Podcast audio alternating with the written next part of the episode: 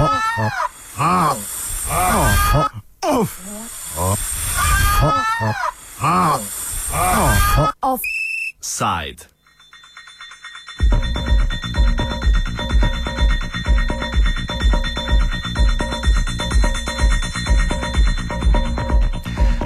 Hrvaška vlada, natančneje minister za finance Slavko Lenič, je v sabor poslal zakon o posebnem davku na kavo in brezalkoholne pijače z umetnimi sledili. Pričakuje, ukolikor bo zakon sprejet, da bo to v letu 2013 navrglo v proračun skoraj 214 milijonov kun. Argumentacija je preprosta. Davek se bo uvedel zaradi prilagajanja Evropski uniji. Davek se ne bo plačeval na meji, ampak ga bo plačeval potrošnik neposredno. Z dodatnim davkom na kavo oziroma trošarino naj bi hrvaška država pridobila okoli 103 milijona kun. Hrvaški vladi pa se tudi zdi, da naprimer voda s posebnimi sledili ni več naravna in je zato potrebno odšteti dodaten davek zaradi zdravstvenih razlogov. S prejemom zakona pa bi se ukinil, ukinil davek na nepraženo kavo, saj se smatra, da je to surovina, ki je šele pripravljena na proizvodnjo. Kar se tiče kave, se sicer ne omenja zdravstvenih razlogov pri dodatnem davku. O dodatnem davku na kavo in sokove z umetnimi sledili smo se pogovarjali z Dušanom Kebrom, nekdanjim slovenskim ministrom za zdravje. No, če me sprašujete, če je ta davek, eh, ima kakšne zdravstvene posledice, koristne zdravstvene posledice, lahko rečem, da ne.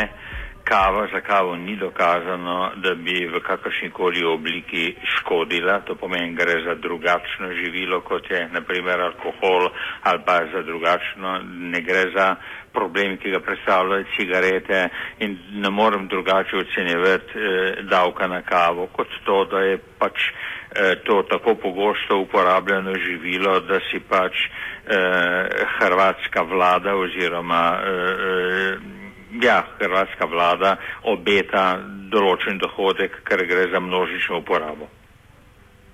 Kaj pa menite o sladkih pijačah, tukaj bi se strinjali z davkom ali ne? Mislim, da je bil predlog tudi v Sloveniji, da bi se uvedel davek na sladke pijače, vendar potem to ni šlo skozi. Poglejte, pri, pri, pri sladkih pijačah eh, bi seveda podpiral tak davek, če bi bil usklajen na ta način, da bi potem res obstajale zdrave pijače, cenejše in da te pijače ne bi bile naprimer pivo ali pa alkoholne pijače. Mi imamo pa sedaj situacijo, ko so pravzaprav pijače z alkoholom cenej, cenejše od tega in hkrati pa ne vemo, kakšne bi bile posledice, če se davek na sladkor ne bi pojavil v vseh državah. Vedno se namreč pojavi možnost, da se potem taka živila kupujejo v sosednjih državah. Poznano je več primerov, kako potem državljani prestopajo mejo in kupujejo vse to, ker se povečajo davki drugod.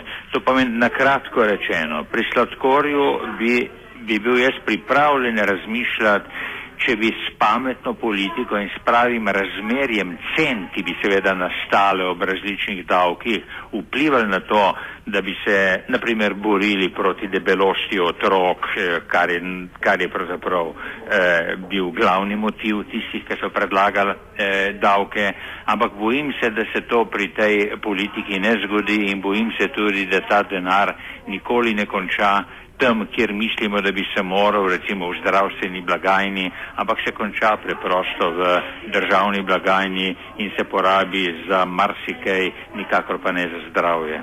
Skratka, vse te davke, tudi te na Hrvaškem, ocenjujem zgolj kot način pridobivanja novega denarja in kot vidite, z davki na kavo, na sladke pijače in temu podobno, se pravzaprav obremenjuje siromašnejše sloje ljudi, ker čisto vsi ljudje jedo, čisto vsi ljudje, ali pa večina pije kavo in seveda prizadane pa tak davek jasno tiste ljudi, ki večino svojih dohodkov porabijo za hrano, ker nimajo denarja, da bi ga lahko namenili čemu drugemu. Kaj ne rečem torej drugega? Gre ponovno za tudi na Hrvaškem za večje obremenjevanje siromašnejših slojev prebivalstva in ne pravično obremenjevanje vseh državljanov. Skratka, če država rabi več davko, če je država v krizi, v stiski, naprimer tudi Slovenija, mora pač razmisliti, kako bi pravično obremenila vse državljane in ne da išče denar pri tistih, ki jim ga najlažje lahko vzame. No, tukaj bi imel zdaj eno pod vprašanje, ker tudi pri alkoholu ne gre vedno za zlorabo alkohola. Imamo ljudi, ko spijo recimo petkrat na mesec ob kosilu deci vina, pa vendarle morajo plačati eh, trošarino za to, čeprav sploh ne zlorabljajo te substance. No, tukaj pa seveda ne gre za tak problem. Če, če, če, če petkrat na, na, na mesec eh, to plačajo, plačajo seveda, bistveno manj od tistih, ki to, ki plačajo petkrat na dan, ker zlorabljajo to substanco. To pomeni, v tem kontekstu gre ravno za to, da, da, da, da, da, da davek na alkohol, čeprav ne verjamem, koliko vpliva. Vpliva seveda ponovno vsaj na, na določen segment prebivalstva, ampak ne mislim, da so kaznovani tisti, ki izmerno uporabljajo to substanco, ker taki pač preprosto je manj uporabljajo in manj plačajo.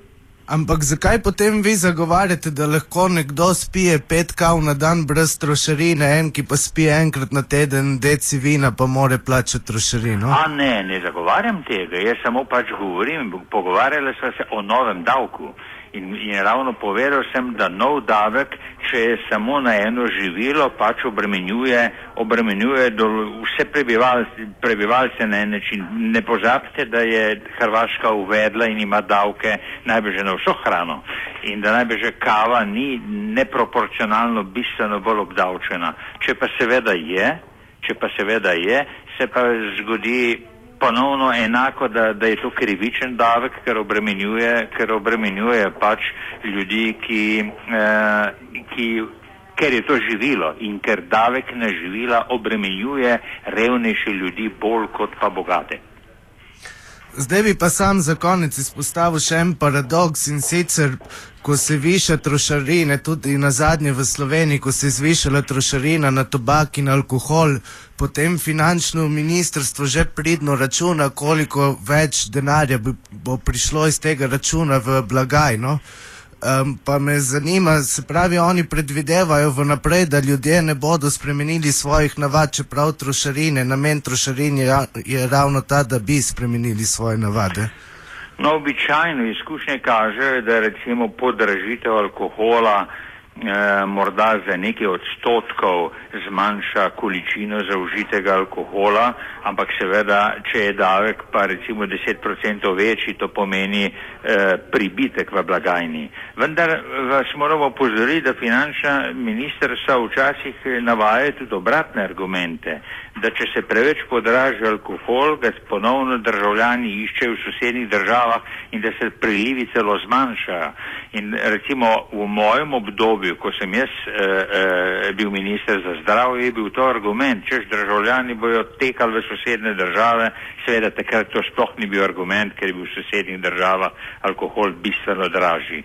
Ampak gre ponovno za to, da se sicer eh, eh, poveča obseg črne trgovine z alkoholom in da je to, da je to ponovno treba proučevati in, in se truditi, da seveda te cene se so toliko izenačene vsaj v okolici ali pa rečemo v evropski regiji, da ne prihaja na, na tem področju do, do, do nihanj, ki potem popolnoma izničijo efekt.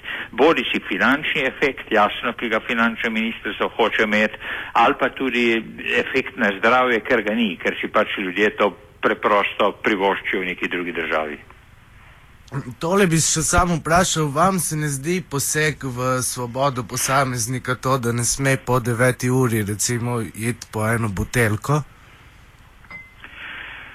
Uh, ne, ne zdi se mi poseg, če vemo, da, je, če, če vemo, da vsak tak posameznik gre za odraslo osebo, vse to lahko, vse to lahko kupi tudi pred 9. uro zvečer in da po 9. uri zvečer so obstajale v času, ko je bilo to možno, samo male trgovinice, ki so bile odprte celo noč in so prodajale poceni alkohol otrokom, dijakom, šolarjem, študentom, ki pač si, ki, ki so v tistem času, v nočnem času, ta poceni alkohol iskali.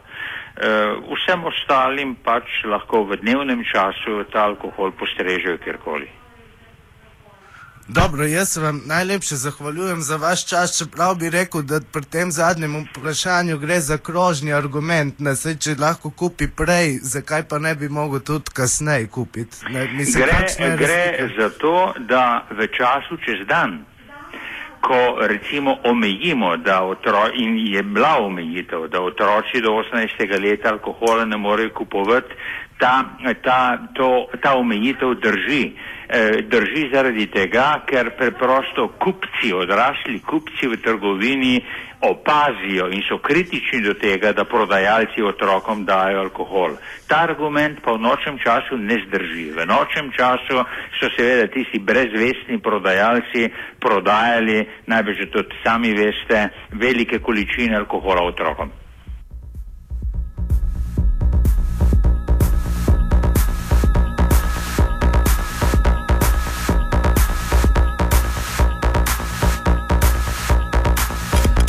Svojim največjim prijateljem se je pri, uh, pogovarjal Urh.